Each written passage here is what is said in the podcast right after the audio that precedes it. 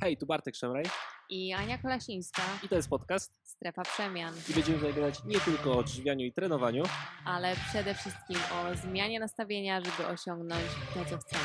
no to dawaj.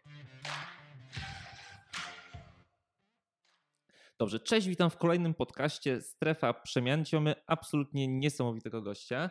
A doktor habilitowany nauk medycznych, założyciel warszawskiego hospicjum dla dzieci i autor książki Żywienie niskowęglowodanowe i suplementacja w ciąży, pan Tomasz Dangel. Dzień dobry. Dzień dobry, bardzo jeszcze raz naprawdę dziękuję, za, że zgodził się Pan wystąpić w dzisiejszym podcaście, powiedzieć kilka bardzo, bardzo ciekawych słów. A powiem tak, znaleźć kogoś, kto jest na diecie niskowęglowodanowej od wielu lat jest trudno, a znaleźć lekarza, który jest na diecie niskowęglowodanowej, to już moim zdaniem jest absolutny ewenement. Mówię oczywiście w skali Polski. Udało się, jest Pan. Proszę powiedzieć, od ilu lat Pan jest na diecie niskowęglowodanowej i co Pana skłoniło, żeby na taką dietę właśnie przejść? Zacząłem w 2003 roku. Doznałem takiego oświecenia po przeczytaniu książki e, doktora Jana Kwaśniewskiego e, Dieta optymalna. I wtedy no, zacząłem eksperymentować na sobie. Potem pojechałem na szkolenie do takiego ośrodka, e, gdzie stosowano ten model żywienia w Jastrzębiej Górze. I tam poznałem lekarzy, którzy byli wyszkoleni przez doktora Kwaśniewskiego i oni tam sprawowali opiekę nad bardzo ciężko chorymi ludźmi. I po zakończeniu tego szkolenia musiałem przeczytać y, no, dostępną literaturę, która wcale nie była taka uboga. I potem pamiętam, że w komisji przed doktorem Kwaśniewskim y, w Ciechocinku zdawałem egzamin w 2004 i otrzymałem taki dyplom, który uprawnia mnie do stosowania tego rodzaju żywienia no, u chorych ludzi. Mhm. Czyli minęło już 17 lat. Tak. I po tych 17 latach uważa pan. Żyję. Żyje pan. Tak. Szok. Bo powiedział pan, że już żadnych innych lekarzy nie ma, więc ja jeszcze jestem. No mam nadzieję, że jeszcze jacyś inni są, ale i zdecydowanie polecę pan sposób odżywiania. To znaczy, no, drugim takim lekarzem jest moja żona, profesor Joanna dwie. Szymkiewicz-Damgel, tak, która też e, stosuje to żywienie niskowęglowodanowe i post przerywany. Mhm. I posprzerywany jeszcze w dodatku. Tak, ona praktycznie raz dziennie się odżywia, ale to chyba dlatego, że tak dużo pracuje, a ja, ja jem na ogół dwa posiłki. Wie pan, że biorąc pod uwagę to, co się mówi na co dzień w szerokich mediach, to jedzenie jednego posiłku dziennie i dieta ketogeniczna to to jest praktycznie samobójstwo w ciągu roku albo dwóch, tak się mówi. A teraz słuchacze słyszą, że pan je dwa razy dziennie albo małżonka raz dziennie i świetnie się czujecie, To znaczy, ja nie mam skłonności samobójczych i moje doświadczenia są raczej takie, że ten rodzaj żywienia podnosi nastrój. I znalazłem nawet taką pracę, gdzie wykazano, że dieta ketogenna jest skuteczna w leczeniu depresji, w związku z czym ym, no, są naukowcy w, Łodzi, którzy się tym zajmują. Chodzi mi o zastosowanie diety ketogennej właśnie w psychiatrii. Jest też w Polsce taki dietetyk, y, który się tym też interesuje. To jest bardzo ciekawe, dlatego że dieta ketogeniczna w takim razie nie tylko wpływa na samo to słynne odchudzanie, ale też poprawia mentalność, tak? Bo jednak depresja to jest coraz częstsze schorzenie i okazuje się, że można dietą pomagać to leczyć, tak?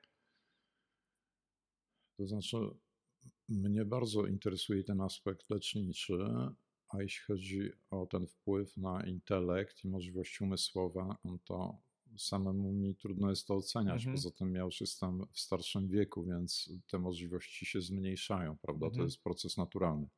Jest pytanie tylko, czy, czy to można, nie wiem, opóźnić, czy ta starość może Mhm. być jakaś bardziej doskonała. Jasne, ale te przesłanki są takie, że jednak ta dieta ket- ket- ketogeniczna trochę jednak opóźnia to wszystko, jakby pomaga w funkcjonowaniu mózgu. Przynajmniej. Spotkał się pan z takimi pracami, To znaczy, badaniami?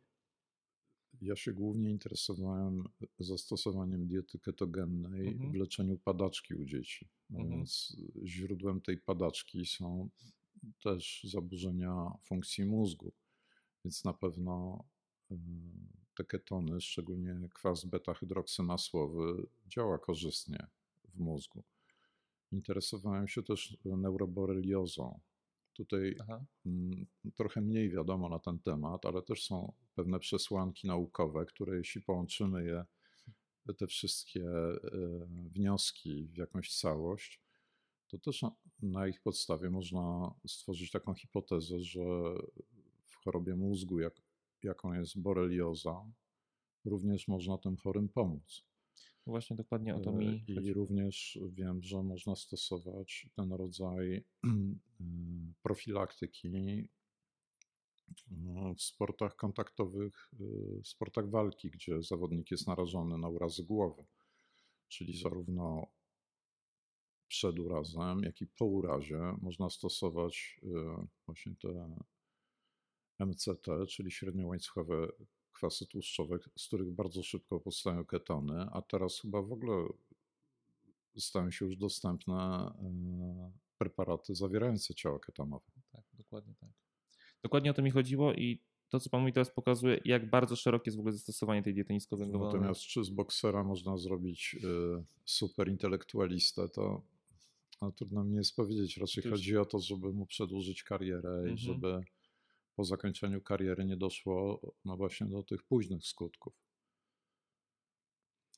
No, mówię, bardzo, bardzo ciekawe, jak bardzo to jest szerokie podejście. E, dobrze, ja tu mam trochę przygotowanych pytań od naszych słuchaczy. A pierwsze jest takie, jak powinna wyglądać dieta kobiety, która chciałaby zajść w ciążę? Co ona może zrobić taka kobieta, żeby zoptymalizować pracę organizmu, żeby jak najlepiej a, przygotować się do tej ciąży i żeby ten płód, dziecko się jak najlepiej w jej organizmie mogło rozwijać? No to jest, można powiedzieć, taki problem społeczny, y, bo nasze programy edukacyjne nie przewidują, aby młode kobiety, zanim podejmą współżycie seksualne, otrzymały taką wiedzę, na przykład w szkole przed maturą. Ja pisząc pierwsze wydanie swojej książki, e, no, to była jakby jedna z myśli przewodnich, żeby stworzyć podręcznik, czy to dla młodych kobiet, czy nauczycieli, bo sądzę, że nauczyciele biologii czy chemii, bądź też jakieś bardziej światłe szkoły mogłyby zatrudnić dietetyka, że można byłoby wprowadzić taki program, E, aby, aby właśnie przed zajściem w ciążę, prawda? No bo ciąża nie musi być czymś nieplanowanym, prawda, zaskakującym, a nawet jeśli te, tak się zdarzy, a kobieta w trosce nie tylko o ciążę i swoje dziecko przyszłe, tylko o własne zdrowie, na co dzień się dobrze odżywia, prawda? Dokładnie tak. Więc można to zacząć nie wiem, w wieku 16 lat, 17, 18 i, i wtedy chyba wszystko jest w porządku.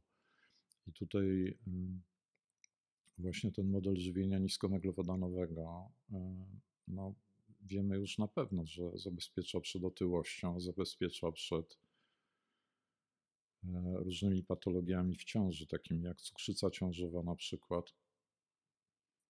No i pewne też suplementy, prawda, bo nasza dieta nie jest kompletna.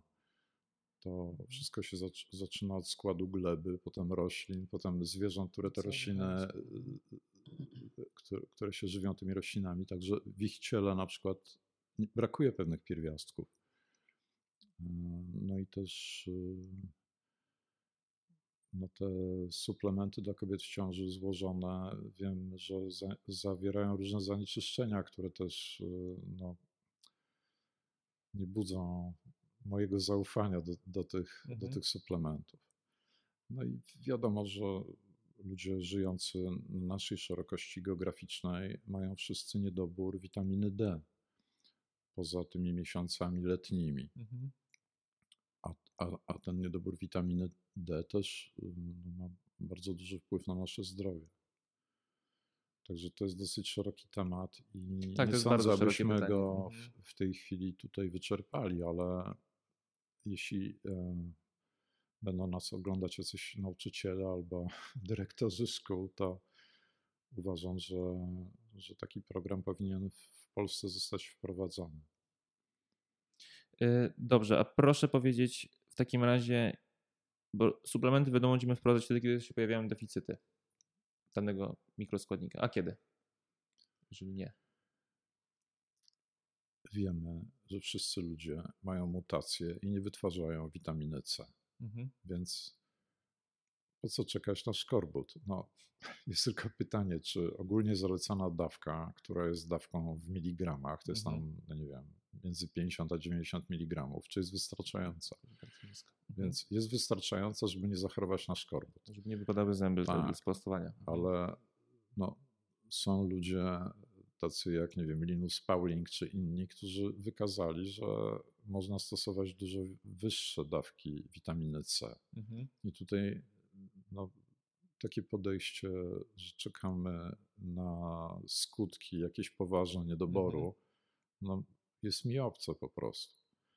Także to samo dotyczy jodu, selenu, wspomnianej już właśnie witaminy D, znaczy jakichś innych elementów, mikroelementów, o których wiemy, że one decydują na przykład o rozwoju mózgu dziecka w czasie ciąży, prawda? Mhm. Tak, tutaj jako przykład możemy podać te kwasy omega-3, że ich też w diecie nie ma, dlatego są określone jako niezbędne, prawda? A proszę powiedzieć z ciekawości, jakie pan poleca źródła omega-3 w tym momencie? Czy to naturalnie, jeżeli gdzieś możemy spotkać, ewentualnie z suplementu? To znaczy, z tym jest właśnie problem, bo mm, w takim potocznym mniemaniu y, powinno się zjadać ryby, ale okazuje się, że y, ryby są zanieczyszczone rtęcią, więc za dużo tej rtęci nie należy zjadać w ciąży. Więc ja w pierwszym wydaniu książki pisałem o tranie. Mhm. Mm, i polecałem ten tran, ponieważ no, wydawało mi się, że on powinien być jak najmniej zanieczyszczony, ale ostatnio otrzymałem informację, że tam też mogą być jakieś pestycydy, że ta hodowla tych e, ryb, z których się ten tran uzyskuje, też jest e, no, obarczona właśnie różnymi e, substancjami, które mogą być toksyczne dla, dla kobiety w ciąży i dla jej dziecka. Więc są, są inne preparaty, no są preparaty z alg, z kryla i tak dalej, no ale to są wszystko, y, one są pochodzenia morskiego, prawda? Mhm. Więc im bardziej zanieczyszczamy środowisko, tym trudniej jest je uzyskać. No, sądzono, że olej lniany, y, który zawiera taki kwas omega-3, który teoretycznie powinien metabolizować się do tych kwasów, które Mhm. nam są potrzebne, że on byłby dobry, ale ten szlak metaboliczny no nie jest taki pewny. Szczególnie jeśli się y, w diecie spożywa dużo tych kwasów omega-6, bo kwasy omega-6 i omega-3 konkurują tam o pewne enzymy między sobą Mhm. i, i jeśli ten stosunek jest nieprawidłowy, to wtedy ten, ten olej lniany słabo się y, przekształca. Także pozostają jakieś preparaty właśnie ze zwierząt morskich, ale to powinny, powinny być jakoś zbadane, prawda, pod względem ich czystości, tak sądzę. Czyli tak tylko, naprawdę- tylko może jeszcze dodam, Mhm. że ta ilość tych e, kwasów omega-3 nie jest duża.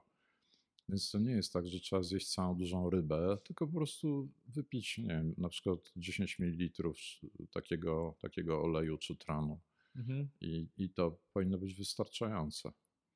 Czyli podsumowując jeszcze tylko, zależy to wszystko od hodowli tak naprawdę albo od źródła, tak? Im bardziej są zanieczyszczone wody, tym większe prawdopodobieństwo tego, że niestety będzie więcej zanieczyszczeń na przykład w tranie, tak? To znaczy, zanieczyszczeń nie unikniemy, No, bo żyjemy w wiadomo. takim świecie. Tak, dokładnie. Natomiast wiadomo, że selen jest antidotum na rtęć. Czyli jeśli kobieta jest w ciąży i przyjmuje codziennie odpowiednią dawkę selenu, Mhm. to ta rtęć zostaje zneutralizowana. Mega ciekawe. E, czyli poleca pan tran, tak? I olej z kryla, tak? Jeżeli, jeżeli chodzi o źródło omegi-3. To znaczy, trzeba zwrócić uwagę na ceny Mhm. i poszukać po prostu rankingu, no bo ja nie mogę tutaj reklamować jakichś konkretnych preparatów. tak, no, na pewno olej z kryla jest najdroższy, bo Mhm. on musi być dystrybuowany w takich kapsułkach. Mhm. Więc jak się przeliczy tą cenę tych kapsułek na dawkę e, tego EPA czy DHA, to wtedy to, to, to robią się poważne koszty. Mhm, mhm. Rozumiem. E, dobrze. Czyli poleca Pan ogólnie rzecz biorąc i tak, i tak kobiety, która chce zajść w ciążę, żywienie niskowęglowodanowe. A powiedzmy, że kobieta zachodzi w ciążę. Czy mógłby Pan dać jakieś konkretne wskazówki, jak powinna jej dieta wyglądać? Na co powinna zwrócić szczególną uwagę? To znaczy są dwie możliwości. Mhm. Albo wpadła na ten pomysł pół roku wcześniej i przygotowała się do tej ciąży, Mhm. albo zaczyna się interesować tematem, kiedy już jest w ciąży, prawda? I teraz ustawienie proporcji tych makroskładników, czyli ilości tłuszczu, powiedzmy, i węglowodanów, zależy od jej masy ciała. Więc jeśli masa ciała jest prawidłowa albo ma lekką nadwagę, Mhm. to wtedy no myślę, że może przyjmować do 50 gramów y, węglowodanów na dobę. Natomiast jeśli jest osobą otyłą, no to znacznie mniej, bo chodzi o to, no żeby zredukować na masę ciała. Więc oczywiście lepiej jest to zrobić przed ciążą, a nie w czasie ciąży. Ale w pierwszym trymestrze wtedy ta liczba y, węglowodanów mogła być około 20 gramów Mhm, dziennie. mhm, mhm.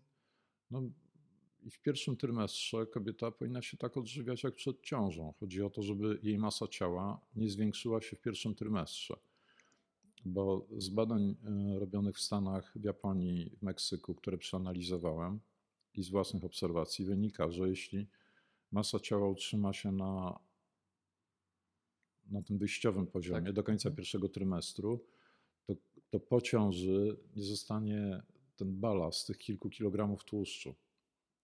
Więc przyrost masy ciała powinien nastąpić dopiero w drugim, no i oczywiście w trzecim ciekawe. trymestrze. Tak. I y, te zalecenia amerykańskie, które w Polsce są tak po prostu bezkrytycznie propagowane przez Ministerstwo Zdrowia i inne instytucje, prawda, które Mhm. tam niby mają autorytet i wypowiadają się w tej dziedzinie, y, średnio zalecają przyrost masy ciała 12,5 kg. To jest dużo. Więc ja uważam, że ten przyrost Średnio. średnio, że ten przyrost masy ciała u kobiety, która ma prawidłowe BMI wyjściowe, powinien być mniej więcej 7-8 kg. Czyli wtedy to jest, e, jeśli powiedzmy 8, jeśli, jeśli to jest 8 kg, to 6 kg to jest woda. I mniej więcej kilogram to jest tłuszcz Mhm. i kilogram to jest białko, inne substancje. I tak jest ok. A dlaczego to 1,5 kilo zostaje? Bo macica waży około kilograma i zwiększa się masa piersi. Także, ale potem ta masa się powinna znormalizować. Mega ciekawe i totalnie nie upublicznienie informacji. Dobrze, że Pan o tym powiedział. E, dobrze, czyli tak, jeżeli chodzi o dietę, Pan poleca, jeżeli przed ciążą było prawidłowe BMI, BMI, czyli ta masa ciała, do 50 gramów węglowodanów, tak? Tak, dr Kwaśniewski zalecał 0,8 grama na kilogram Aha, to masy policzyć. ciała, Mhm. czyli to tam wychodzi między 40 a 50 gramów tych węglowodanów. Mhm. Ale, jakie- ale mhm. jeśli kobieta właśnie no ma jakieś problemy, prawda, że Mhm. podejrzewamy, że ma insulinooporność, prawda, co się wyraża właśnie tendencją do gromadzenia tkanki tłuszczowej i tak dalej, to można spokojnie zejść do 30 czy do 20 gramów. I Można. tak się przygotować Mhm. do ciąży. A potem, po zakończeniu pierwszego trymestru, tak jak to przedstawiłem w książce, należy stopniowo zwiększać zapocz- y, spożycie węglowodanów, Mhm. ponieważ powiększa się płód i powiększa się łożysko. Mhm.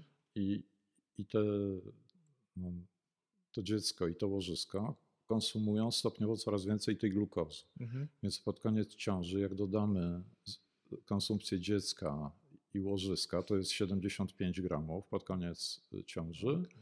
No i plus to, co chcemy dla kobiety, więc to jest plus minus 100 gramów dziennie pod koniec ciąży. To nie jest też, dużo. okej, Nie, to nie jest dużo. Mhm. I sądzę, że potem w okresie karmienia y, piersią podo- podobna ilość powinna być konsumowana tej Około glu- 100 gramów. y, węglowodanów. Mhm. Tak, najlepiej w postaci skrobi.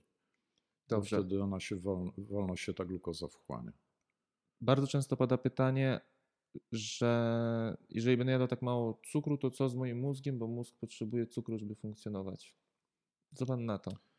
Znaczy, glukozy potrzebują erytrocyty, rdzeń nadnerczy, siatkówka i soczewka. No, siatkówka, można powiedzieć, jest częścią mózgu, ale to nie jest cały mózg. Także mózg może świetnie funkcjonować bez węglowodanów, ale ta glukoza i tak powstanie. Także szacuje się, że około 200 gramów glukozy powstanie w procesie przetwarzania aminokwasów, Mhm. e, glicerolu e, i mleczanów. Że, że tyle, że nawet jakbyśmy odżywiali się tylko tłuszczem i białkiem, to właśnie z tych substancji, które wymieniłem, i tak powstanie glukoza. I te 200 gramów glukozy jest wystarczające, bo badano stężenia glukozy we krwi, bo ta krew jest takim okienkiem, bo ona zawiera tylko 4 gramy glukozy Mhm. ale możemy to zbadać, więc nie ma spadków glukozy we krwi. Oczywiście obniża się trochę, tam Mhm. powiedzmy z 90 się obniża na 80 czy Mhm. coś takiego, ale, ale to jest dla mózgu jest zupełnie wystarczające. Dla mózgu najgorszą rzeczą są spadki glukozy, ale wskutek nadmiernego wydzielania insuliny. Czyli jeśli zjemy szybko wchłaniający się cukier, prawda, to wtedy zmuszamy trzustkę do wyrzucenia insuliny i mamy tak zwaną reaktywną hipoglikemię, czyli za chwilę Mhm. możemy mieć cukier 60 albo niższy. I wtedy, jeśli jedziemy samochodem, możemy zasnąć i spowodować wypadek. Albo, co jest bardzo częste, ludzie zasypiają na wykładach, bo w przerwie dostali coś słodkiego do jedzenia. I wtedy wystarczy się rozejrzeć po sali wykładowej i od tak. razu widać, kto śpi, prawda? Więc y, to jest niebezpieczne, ale jeśli człowiek nie ma tej huśtawki insuliny i Mhm. Bo odżywia się głównie tłuszczem i białkiem, to, to nie doświadcza tego. Po prostu ma stabilny tak. poziom glukozy przez cały czas. Zdecydowanie tak. A ciała ketonowe dodatkowo stanowią to paliwo dla mózgu i właśnie to, o czym mówiliśmy mhm. na początku, że te możliwości intelektualne prawdopodobnie są skutkiem dostarczania tych ciał ketonowych. I, I dlatego możemy pewne choroby mózgu leczyć. Mega, mega interesujące. Proszę jeszcze tylko powiedzieć mniej więcej jakieś widełki, bo powiedzieliśmy o węglowodanach, że to może być 20-50 gramów, już powiedzieliśmy dlaczego. A jakie mniej więcej proporcje by były tutaj białka i tłuszczów?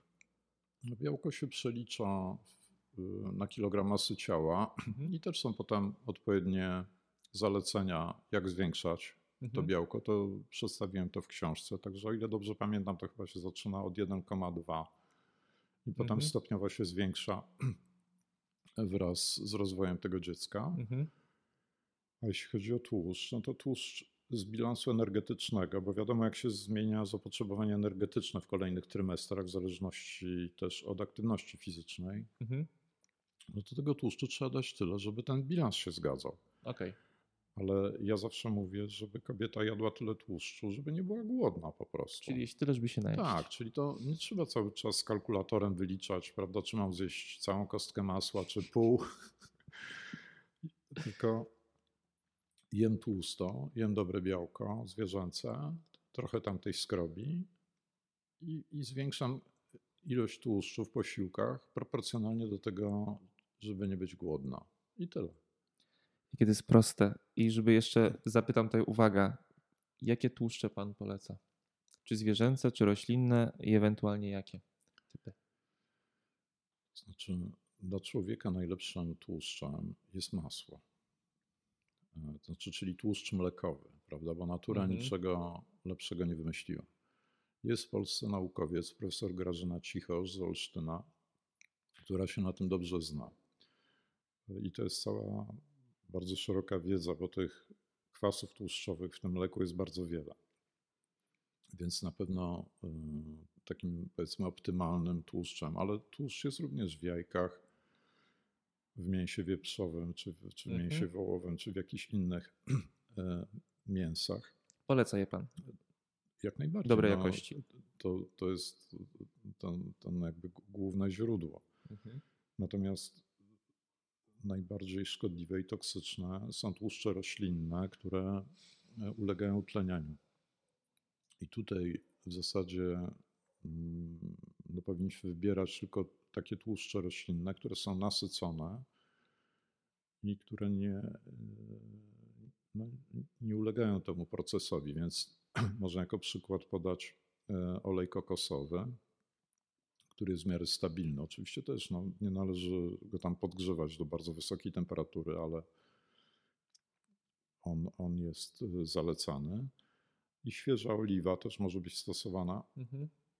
ale też raczej bez podgrzewania, czyli na zimno. Mhm. Ale to powinna być no, tegoroczna oliwa, przechowywana też bez dostępu światła. W ciemnej butelce.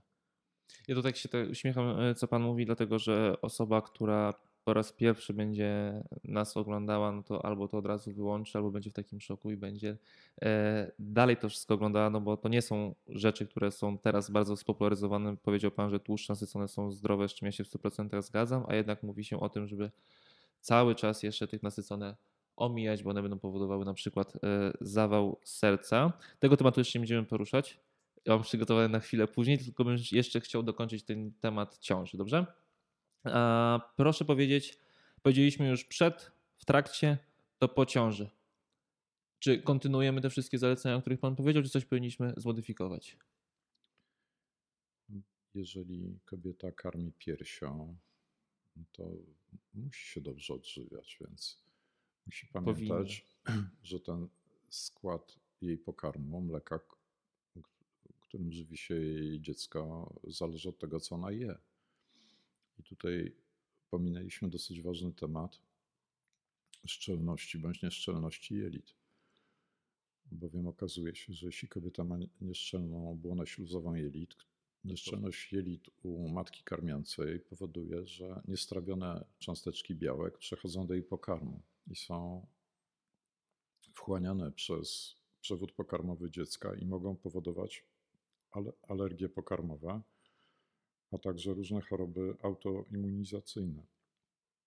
W związku z tym też poświęcam dużo uwagi na to, żeby kobieta przed ciążą y, no, przeprowadziła pewną naturalną terapię mającą na celu uszczelnienie błony śluzowej mhm. jelit.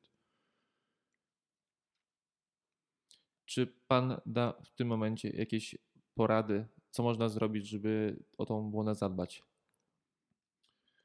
Ja się bardzo dużo nauczyłem od y, takiego pana Józefa Słoneckiego, który mm -hmm. wprowadził w Polsce tą miksturę oczyszczającą. Mm -hmm. I u moich pacjentów w warszawskim hospicjum dla dzieci robiliśmy takie badania o szczelności jelit. Się wykonuje tak zwany test absorpcji cukrów. Mm -hmm. Tymi cukrami jest mannitol i laktuloza. I bada się potem w moczu stosunek jednego cukru do drugiego, bowiem laktuloza ma duże cząsteczki, które nie powinny przechodzić, więc jeśli ich jest dużo, to znaczy, że jelito jest nieszczelne. I wykazaliśmy, że u tych dzieci, które otrzymywały tę miksturę oczyszczającą, była znacznie lepsza szczelność, czyli wynik tego testu był dużo lepszy niż w grupie, w której ta mikstura oczyszczająca nie była stosowana. Więc ja to stosuję codziennie od wielu lat i uważam, że to jest no, część jakby mojej higieny, tak jak, nie wiem, myję zęby mhm, na jasne. przykład, czy mhm. dbam o, o swoje ciało, to tak samo dbam o swój przewód pokarmowy, więc mam zawsze taki słój w lodówce i rano zaczynam dzień od wypicia tam Świetnie paru łyków tego. Ale wiadomo, że są różne inne substancje, na przykład właśnie w maśle są krótko i średniołańcuchowe kwasy tłuszczowe, mhm. które odżywiają ten nabłonek błony śluzowej przewodu pokarmowego. I są e, różne inne substancje, takie jak nie wiem, kurkumina na przykład, witamina D. Witamina D również, o proszę. Tak, bo bariera jelitowa składa się z kilku warstw, Aha. poziomów, prawda? Że najpierw mamy bakterie, te, które nas chronią, potem mhm. jest warstwa chemiczna, potem jest ta anatomiczna, czyli sama bariera i ta ostatnia warstwa to są komórki układu odpornościowego. Mhm. I tutaj właśnie działa witamina D. Na, poprzez właśnie wsparcie tych komórek. Mega. A w takim razie w drugą stronę, jakie substancje, jakie czynniki będą niszczyły błonę?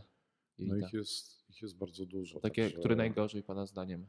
Znaczy na pewno jest cała gama leków.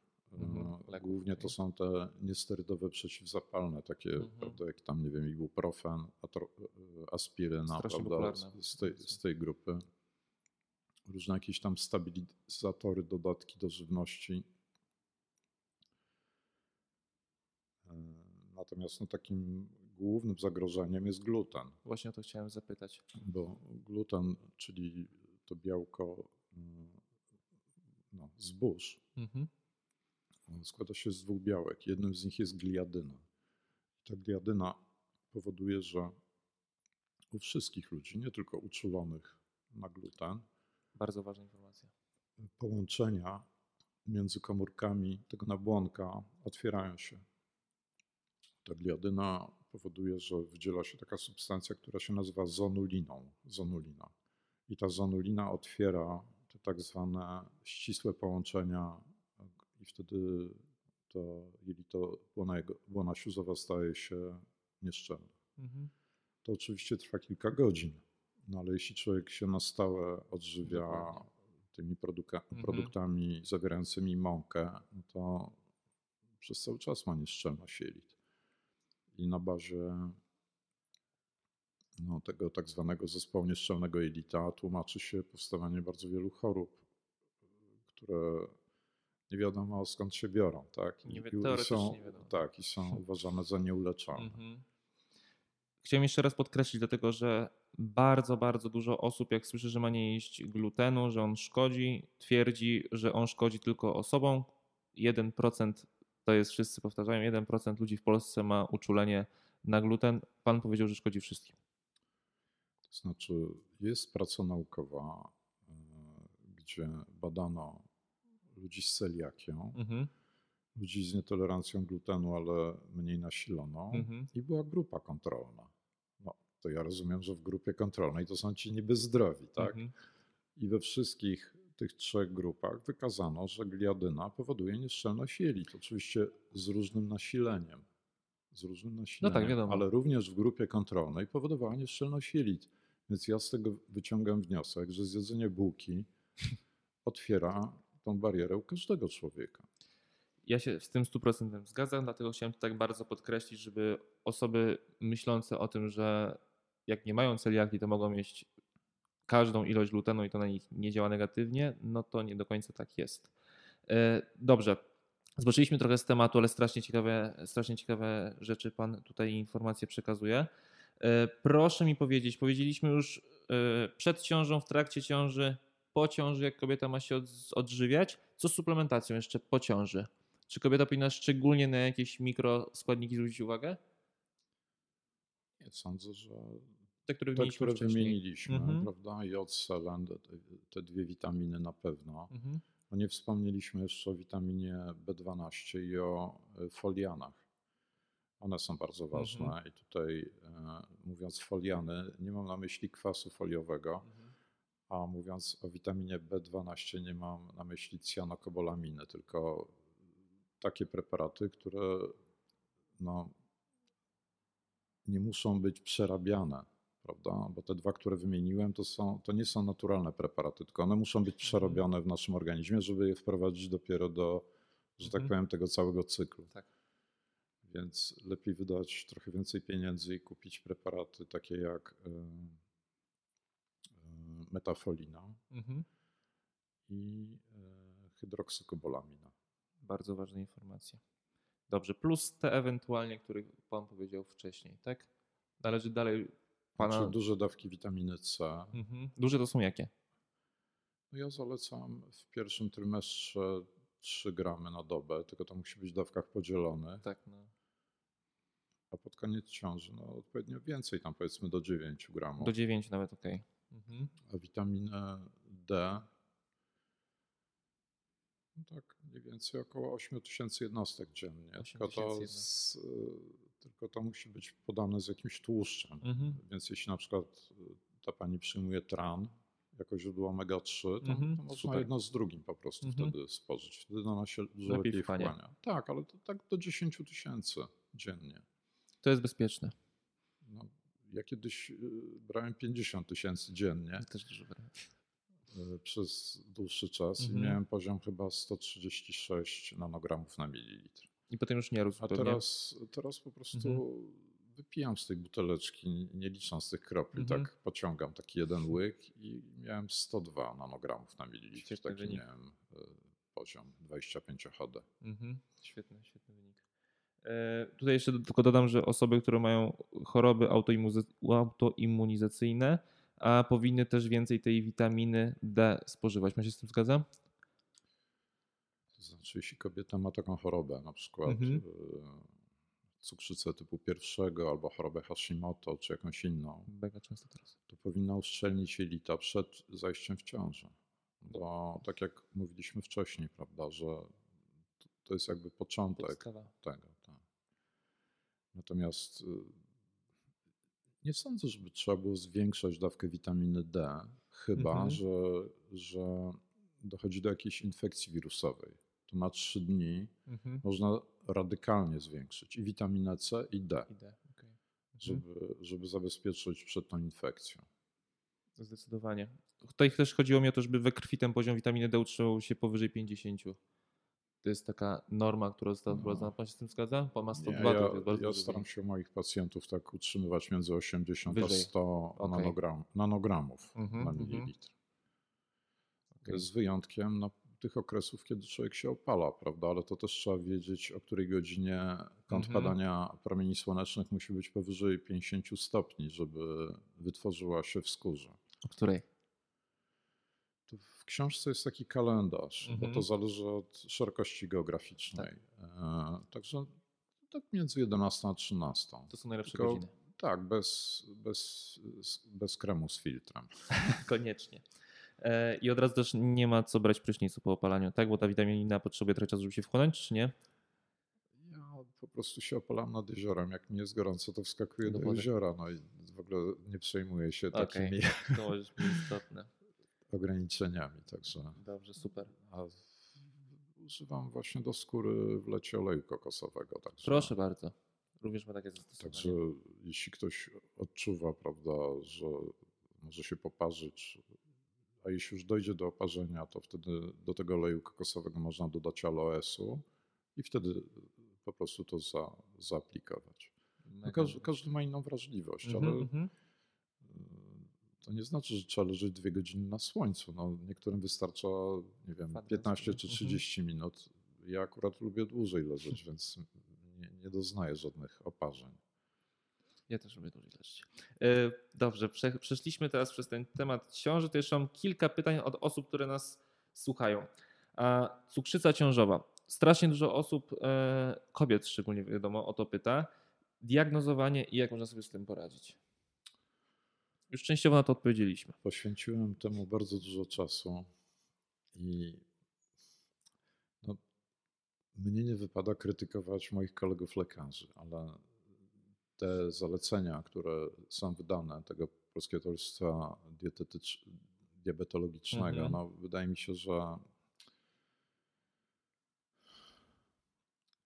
tutaj rozpoznaje się tą cukrzycę albo pod koniec drugiego trymestru, albo na początku trzeciego. Dlatego, że w czasie ciąży dochodzi do zmiany tolerancji glukozy właśnie w trzecim trymestrze, czyli kobieta zdrowa y, ma tak zwaną y, fiz- fizjologiczną oporność y, na insulinę w Mhm. trzecim trymestrze po to, żeby glukozę przekazywać dziecku, a sama się wtedy przestawia na metabolizm tłuszczu. Proszę.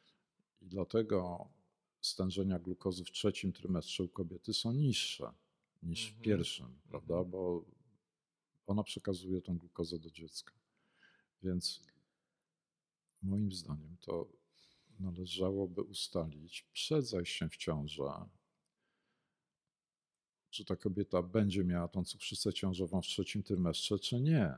No bo to, to chyba jest dla niej istotne, prawda? A nie powiedzieć jej w trzecim trymestrze ma pani cukrzycę ciążową i dać jej jakieś zalecenia dietetyczne, z którymi ja się nie zgadzam. No to jest kolejny problem. Więc jak się zastanawiałem, jakie ewentualnie są markery które można byłoby wychwycić wcześniej, to prawdopodobnie stężenie insuliny, bo ta glukoza nadczo, to moim zdaniem to nie jest jakieś wiarygodne badanie. I są takie hormony wydzielane przez tkankę tłuszczową. Jeden to jest adiponektyna, a Mhm. drugi to jest leptyna. Mhm. Jest, jeszcze jest ten tak zwany TNF-alfa, czyli ten, ten czynnik martwicy nowotworów alfa. Więc jeśli jest mało tej adiponektyny, a dużo leptyny, to jest właśnie e, ryzyko wystąpienia tej cukrzycy ciążowej e, pod koniec ciąży. Więc tutaj e, no, jedynym rozwiązaniem sensownym jest dieta niskowęglowodanowa. Prawda? Mhm. Wystarczy przyjmować tyle węglowodanów, ile potrzebuje dziecko i łożysko, i, i Mhm. wtedy nie, nie ma tego problemu. No. Wtedy, nawet jeśli dochodzi do tej insulinooporności, to poziomy glukozy powinny być stabilne. I tak insulina. Wszystko, co pan mówi, jest. Także na pewno jeszcze witamina D, o której mówiliśmy, Mhm. jest pomocna i te kwasy omega-3. I, I tak jak było powiedziane, dieta niskowęglowodanowa, czyli te, te trzy razem powinny kobiety zabezpieczyć przed cukrzycą ciążową. Ale potem, jeżeli już ta cukrzyca wyjdzie, to też jest rozwiązanie, żeby ewentualnie temu przeciwdziałać?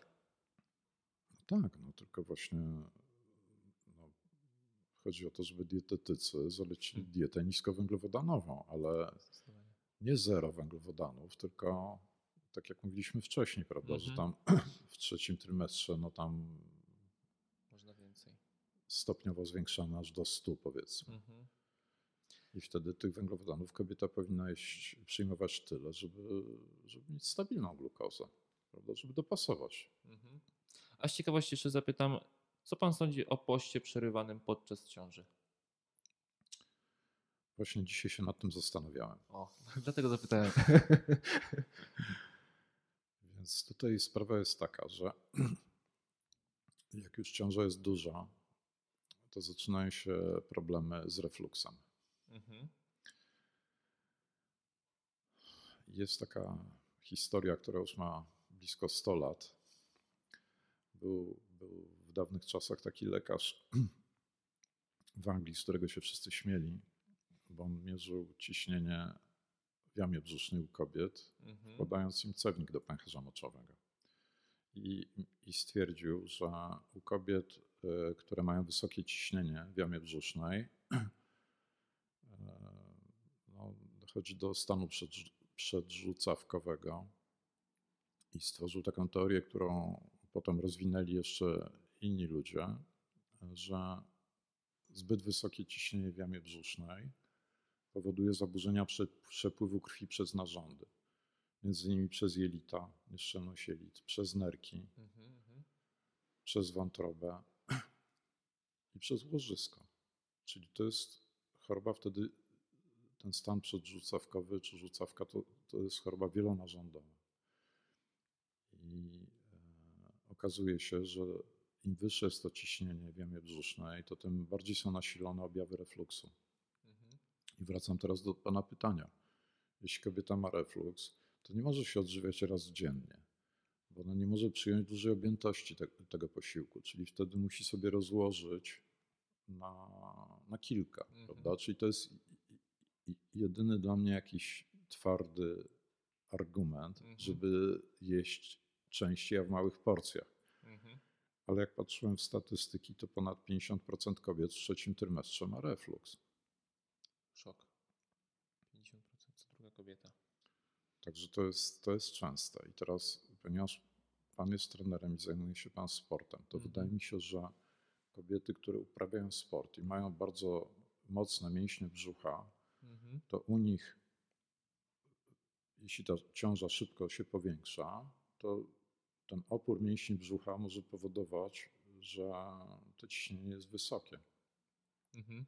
Zanim się te mięśnie rozluźnią, prawda, to, to, to wtedy to ciśnienie może być wysokie. I ten, ten doktor, który robił te pomiary, stwierdził, że to zależy od, y, od pozycji ciała. I w ogóle cały ten stan przedrzucawkowy to występuje tylko u kobiet i u małp człowiekokształtnych, ponieważ tylko te dwa gatunki przyjmują pozycję pionową. U zwierząt, które mają pozycję pionową, ciśnienie w jamie brzusznej jest ujemne.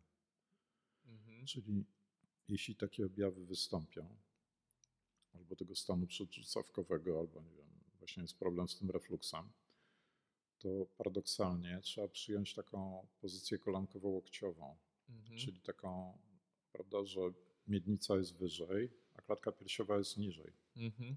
I wtedy macica nie naciska na duże naczynia, które są za nią, prawda, od strony grzbietowej, czyli ona się opuszcza w dół i krew zaczyna prawidłowo przepływać przez ja- jamę brzuszną i spływać do serca, prawda, bo wtedy klatka piersiowa jest niżej. W klatce piersiowej są ciśnienia ujemne w czasie oddychania i te zaburzenia e, krążenia ustępują. Natomiast wracając do refluksu, to tam jest taki mięsień, który, który my nazywamy tym dolnym zwieraczem przełyku Mhm. i on ma pewne stałe napięcie. I, i tego napięcie przed ciążą, no to jest tam około 20 mm supertęci.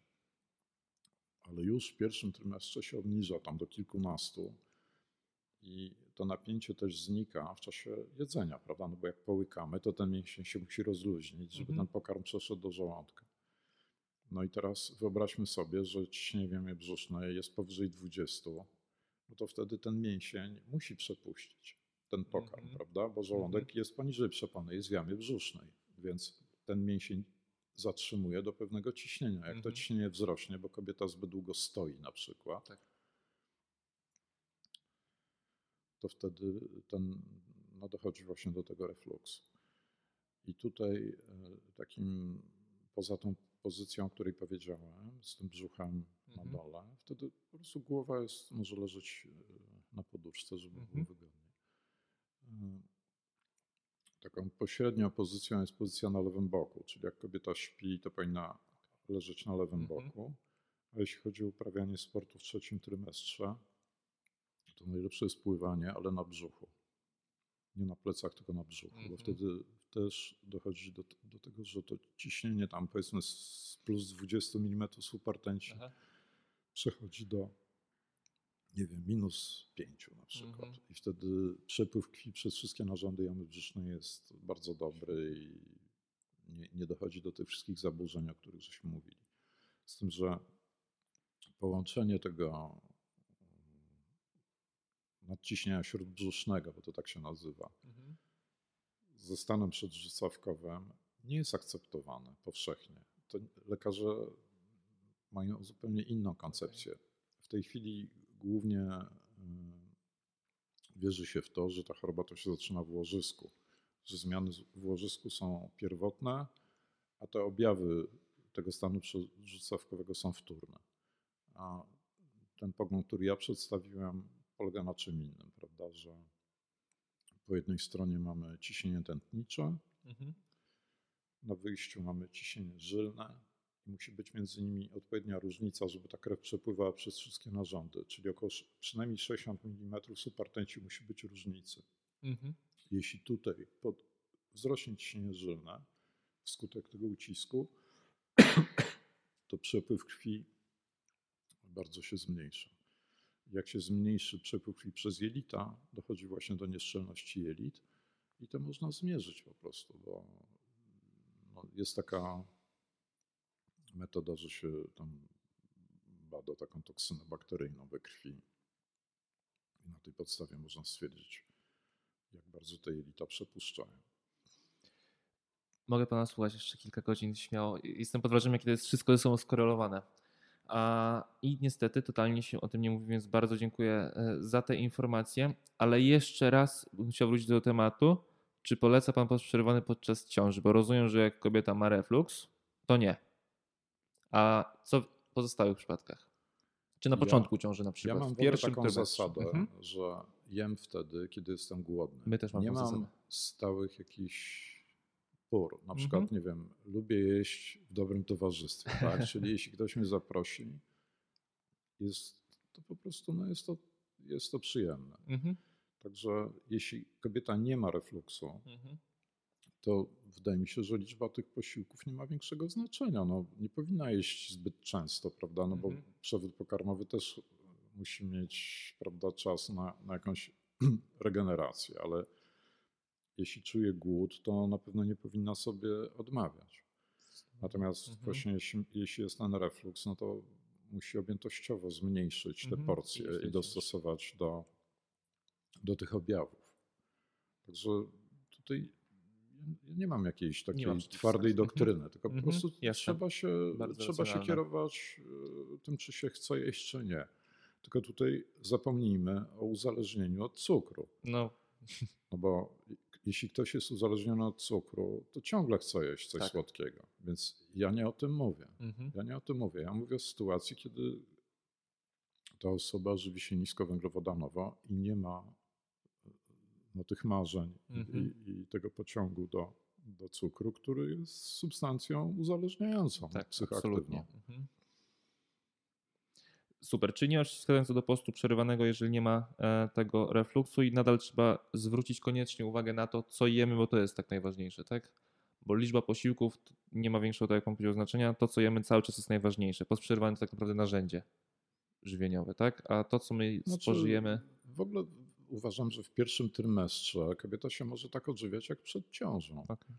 a w, a w drugim dopiero dostosować to, prawda? A w trzecim, no to już, Mhm. Już musi uwzględnić to, że to ciśnienie w brzuchu jest bardzo wysokie. Bardzo wysokie, więc, więc wtedy po co się narażać? No właśnie na jakieś dolegliwości. Dokładnie, dokładnie tak. Dobrze, super. E, Kolejne pytanie. Dieta, dieta ketogeniczna, czy jest naprawdę zdrowa, czy to tylko chwilowa moda? Już częściowo o tym powiedzieliśmy, ale jeszcze jakby pan stricte mógł na to pytanie odpowiedzieć. Ja bym nie powiedział, że to jest moda chwilowa, bo Mhm. jakieś pierwsze publikacje to, to jest rok 1929, 1930 i zawdzięczamy je takiemu badaczowi północy tych regionów polarnych, który mieszkał wśród Eskimosów i odżywiał się tak jak oni, czyli surowym mięsem i tłuszczem zwierzęcym. I potem ze swoim kolegą poddali się takiemu eksperymentowi w szpitalu, że po prostu byli przez rok zamknięci i obserwowani przez lekarzy i żywili się właśnie w taki sposób. I, i na tej podstawie wykazano, że, że ten model e, żywienia też jest dobry. Prawda? Nie, nie twierdzono, że jest lepszy niż inny, ale że Mhm. można przeżyć. Prawda? Zresztą inaczej Eskimosi by się nie, nie mogli rozmnażać, Tak. bo oni nie mieli dostępu do węglowodanów. Mhm. Natomiast y, to, co Pan określił jako moda, to się wiąże z takim filmem, y, w którym grała Meryl Streep rolę matki, dziecka z padaczką, Mhm. u którego zastosowano tą dietę ketogenną w leczeniu padaczki. I ten film to był chyba rok 2000. Także jak się Okej. patrzy Medline na liczbę publikacji na ten temat, to ona Wzrasta zdecydowanie. po emisji tego filmu się zwiększyły. A więc możemy to nazwać modą. No trudno mi, mi jest powiedzieć. No, Takie wydaje mi się, że w tym określeniu nie ma niczego pejoratywnego. No, Mhm. Mamy wolną wolę, prawda? Mamy własną inteligencję, możliwość czytania, Dokładnie dostępu tak. do internetu i każdy człowiek może dostosować dietę do własnych potrzeb, więc możemy eksperymentować w różny sposób. I jeśli ktoś się przekona, że właśnie ten rodzaj żywienia dobrze mu służy, jego zdrowiu, prawda, to dlaczego, dlaczego tego nie robić? Natomiast ja miałem pacjentów, którzy nie trawili tłuszczu. Mhm. I wtedy musiałem zmienić proporcje, prawda, że wtedy głównym źródłem e, energii była skrobia, Mhm. a ilość tłuszczu musiała być bardzo ograniczona. No, nie wiem dlaczego tak się zdarzało u moich pacjentów, ale czasem takie przypadki miałem. Natomiast y, najgorsza kombinacja to jest, jak się podaje równocześnie dużo węglowodanów Mhm. i dużo tłuszczu, więc sądzę, że lepiej jest się zdecydować Na jedno. na jedno albo na drugie. Ale z kolei bez tłuszczu też nie można funkcjonować, więc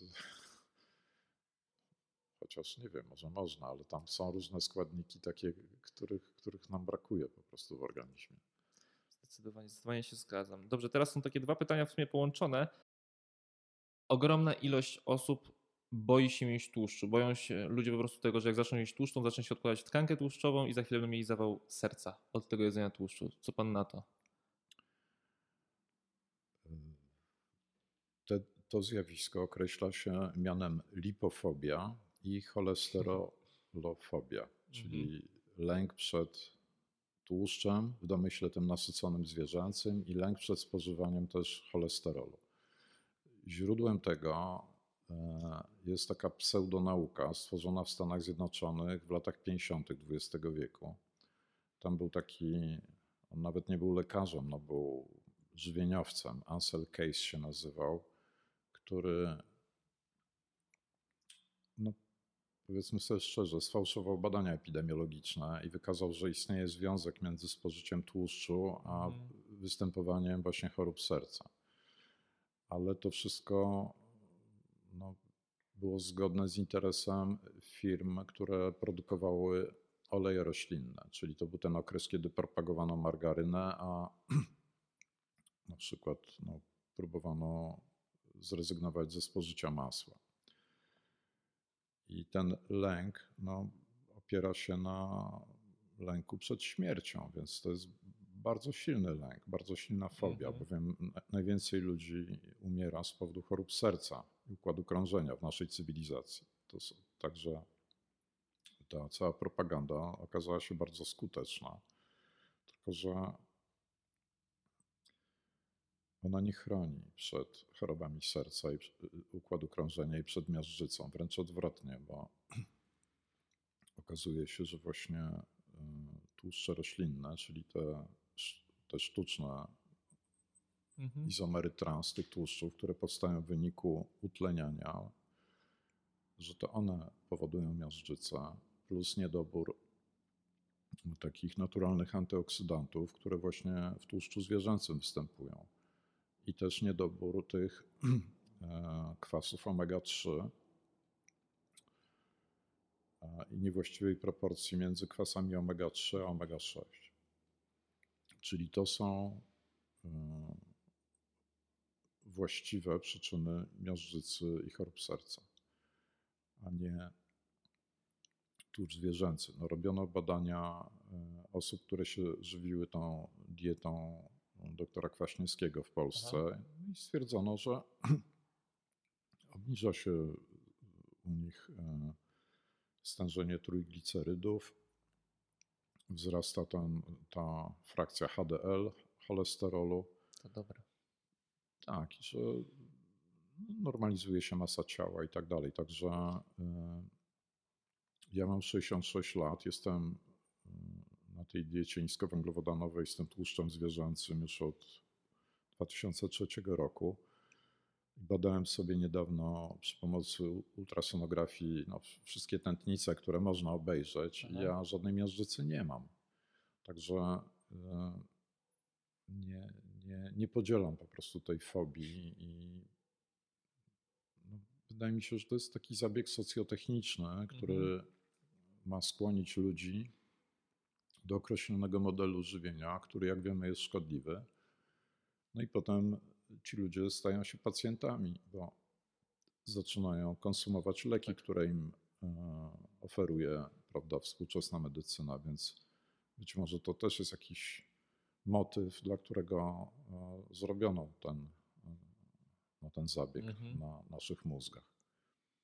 Straszne, ale prawdziwe, bo takie są fakty. To proszę jeszcze powiedzieć, bo mnóstwo osób cały czas uważa, że cholesterol zatyka żyłę. To jak, jak, jak to wygląda? To znaczy, tam są ró- różne teorie na, na temat powstawania tej, mm, tej miażdżycy, prawda? No bo chodzi o to, że dochodzi do ubytku tej błony wewnętrznej, robi się uszkodzenie Mhm. i tam faktycznie pojawia się cholesterol, ale on bardziej jest jakby takim opatrunkiem biologicznym, prawda? No oczywiście jak ta płytka robi się coraz większa, wtedy są zaburzenia przepływu krwi przez to naczynie i też jest ryzyko, że ten fragment może się oderwać i zatkać po prostu jakieś naczynie obwodowe. Natomiast poza tymi przyczynami, które już wymieniłem, miażdżycy, Mhm. to jest też teoria, że to może być niedobór też witaminy C. No że to jest też jakaś taka forma szkorbutu. Także, także dlatego ja też y, zalecam witaminę C. Także cholesterol, no bez chol- cholesterolu nie możemy żyć, bo on jest takim prototypem różnych hormonów. Na przykład Mhm. jeśli mężczyzna chce mieć wysoki testosteron, to musi mieć wysoki cholesterol. Jest taka choroba wrodzona u dzieci, gdzie jest bardzo niski poziom cholesterolu. I, ta, i te dzieci umierają po prostu, bo no, dochodzi do uszkodzenia mózgu. Więc no ten cholesterol to jest, no nie wiem, no jaki, jak, jakieś takie rutynowe badanie, które się wykonuje po to, żeby pacjentom wypisać określone leki. Ja na przykład nie mam takiej potrzeby wewnętrznej, żeby sprawdzać u siebie ten cholesterol. Mhm. I mam nadzieję, że mam wysoki, znaczy no w miarę wysoki, no bo uważam, że on powinien być na tyle wysoki, żeby no takim hormonem na przykład, który powstaje z cholesterolu jest witamina D. Gdyby był niski poziom cholesterolu, to wtedy możemy się długo opalać, No ale efekt tego będzie niewielki. A czy są jakieś normy cholesterolu, takie funkcjonalne, jakie są zdrowe dla człowieka? Bo teraz bodajże się w ogóle mówi o tym, że teoretycznie jest niezdrowe powyżej 190 lub 180. Normy są prawdopodobnie zaniżone wskutek lobbingu tych firm farmaceutycznych, które sprzedają leki obniżające. Ja się tym w ogóle nie zajmuję. Nie zlecam Rozumiem. w ogóle tego badania Mhm. swoim pacjentom i sam po prostu Jasne. nie widzę związku tutaj. To jest bardzo ciekawe podejście. Więc jeśli ktoś się dobrze odżywia, Mhm. to mam na myśli tą dietę niskowęglowodanową i je tłuszcz zwierzęcy, dobre białko i mało węglowodanów, to powinien mieć taki cholesterol, jaki ma. No. Proszę bardzo. Także jeden ma trochę wyższy, drugi ma trochę niższy. No wiadomo, że trójglicerydy się obniżają i że Mhm. HDL rośnie. No to to wiemy, tak? No to po Mhm. co to sprawdzać przez cały czas? Mega, mega ciekawe. Mam nadzieję, że jak najwięcej osób zacznie to samo robić i przestanie tak natrętnie co 3 miesiące sprawdzać ten poziom cholesterolu. A ostatnie pytanie. Post przerywany. Mówi się non-stop, wszędzie w telewizji, głównie w radiu, o tym, żeby jeść co 3 godziny, systematycznie 5, 6, 7 posiłków dziennie, żeby nie dopuszczać do uczucia głodu. I teraz coraz popularniejszy się robi post przerywany, gdzie się mówi, że na przykład jeść 16 na 8, czyli 8 godzin się je, 16 się nie je, tylko pije. I co pan o tym myśli? Już częściowo pan też o tym wcześniej powiedział, ale tak jeszcze nawiązując do samego już postu przerywanego. Co z tym jedzeniem co 3 godziny? W 2016 roku taki uczony z Japonii, którego nazwiska nie pamiętam, otrzymał Ciężko Nagrodę wypowiedzieć. Nobla za tą koncepcję tej autofagii, prawda? Tak. Bo w naszym ciele trwa ciągle wymiana komórek, prawda? Mhm. Powstają nowe, ale stare ulegają zniszczeniu przez odpowiednie enzymy trawienne, które się w nich już znajdują. No i, i to białko z tych komórek zostaje rozłożone do aminokwasów. I te aminokwasy mogą być ponownie wykorzystane. Więc jeśli, jeśli jemy przez cały czas zbyt często, to, to tej puli w ogóle wtedy nie wykorzystujemy. Więc e, no, no jest jakaś taka teoria, e, nazwijmy ją biologiczna czy biochemiczna, która uzasadnia to, żeby nie jeść zbyt często. Mhm. Natomiast oprócz tego, no, możemy powiedzieć, że y, możemy kształtować, nie wiem, własny charakter, czy w jakimś stopniu no, ograniczać nasze potrzeby takie, no nie wiem, materialne, codzienne i Mhm. okazuje się, że można jeść znacznie mniej niż jedliśmy, prawda, stosując jakiś taki tradycyjny model żywienia, ale pod warunkiem, że jest to pożywienie wartościowe. Także ja w ciągu takiego normalnego tygodnia pracy to, y, to jem gdzieś tak około godziny 10, 11 pierwszy posiłek, ale taki nie, nieduży, Mhm. bo wtedy zaczynam być głodny. I drugi dopiero jak wrócę do domu wieczorem. Ale jak na przykład jest weekend i mam trening bo, bo pływam, to, to nigdy przed treningiem nie jem. To wtedy czasem jem pierwszy posiłek gdzieś koło godziny 13-14 i wtedy jest to jedyny posiłek, bo już do wieczora głodny nie jestem. Także to zależy od dnia. Także nie jest to jakieś wielkie umartwienie, ale wtedy jeśli odczuwamy taki delikatny głód, to zaczynamy metabolizować własną tkankę tłuszczową. No więc jeśli ktoś ma ją w nadmiarze, no to może sobie tą godzinę jeszcze na przykład poczekać, prawda? Dokładnie. No i w nocy, kiedy śpimy, dzieje się to samo, prawda? Bo jak badano tam stężenia tych ciał ketonowych, to okazuje się, że o trzeciej w nocy jest ich najwięcej, prawda? Czyli, czyli że wtedy, kiedy śpimy, szczególnie u kobiet w trzecim trymestrze ciąży, największa ketoza jest w nocy. I wtedy ten, ten tłuszcz, który te panie zgromadziły w czasie pierwszych dwóch trymestrów, a właściwie drugiego, y, jest spalany i zużywany do, na potrzeby metabolizmu.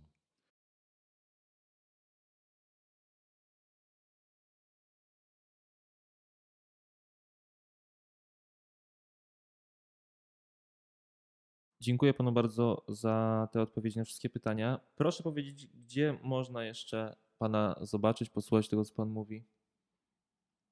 Jakby ktoś z naszych słuchaczy chciał wziąć udział w jakimś właśnie szkoleniu, warsztacie. Wiem, że Mateusz Ostręga organizuje takie targi zdrowotne w Warszawie chyba 26 marca Mhm. i tam będzie konferencja, na, której, na którą zostałem zaproszony i ma mówić o żywieniu niskowęglowodanowym. W naszej Fundacji Warszawskie Hospicjum dla Dzieci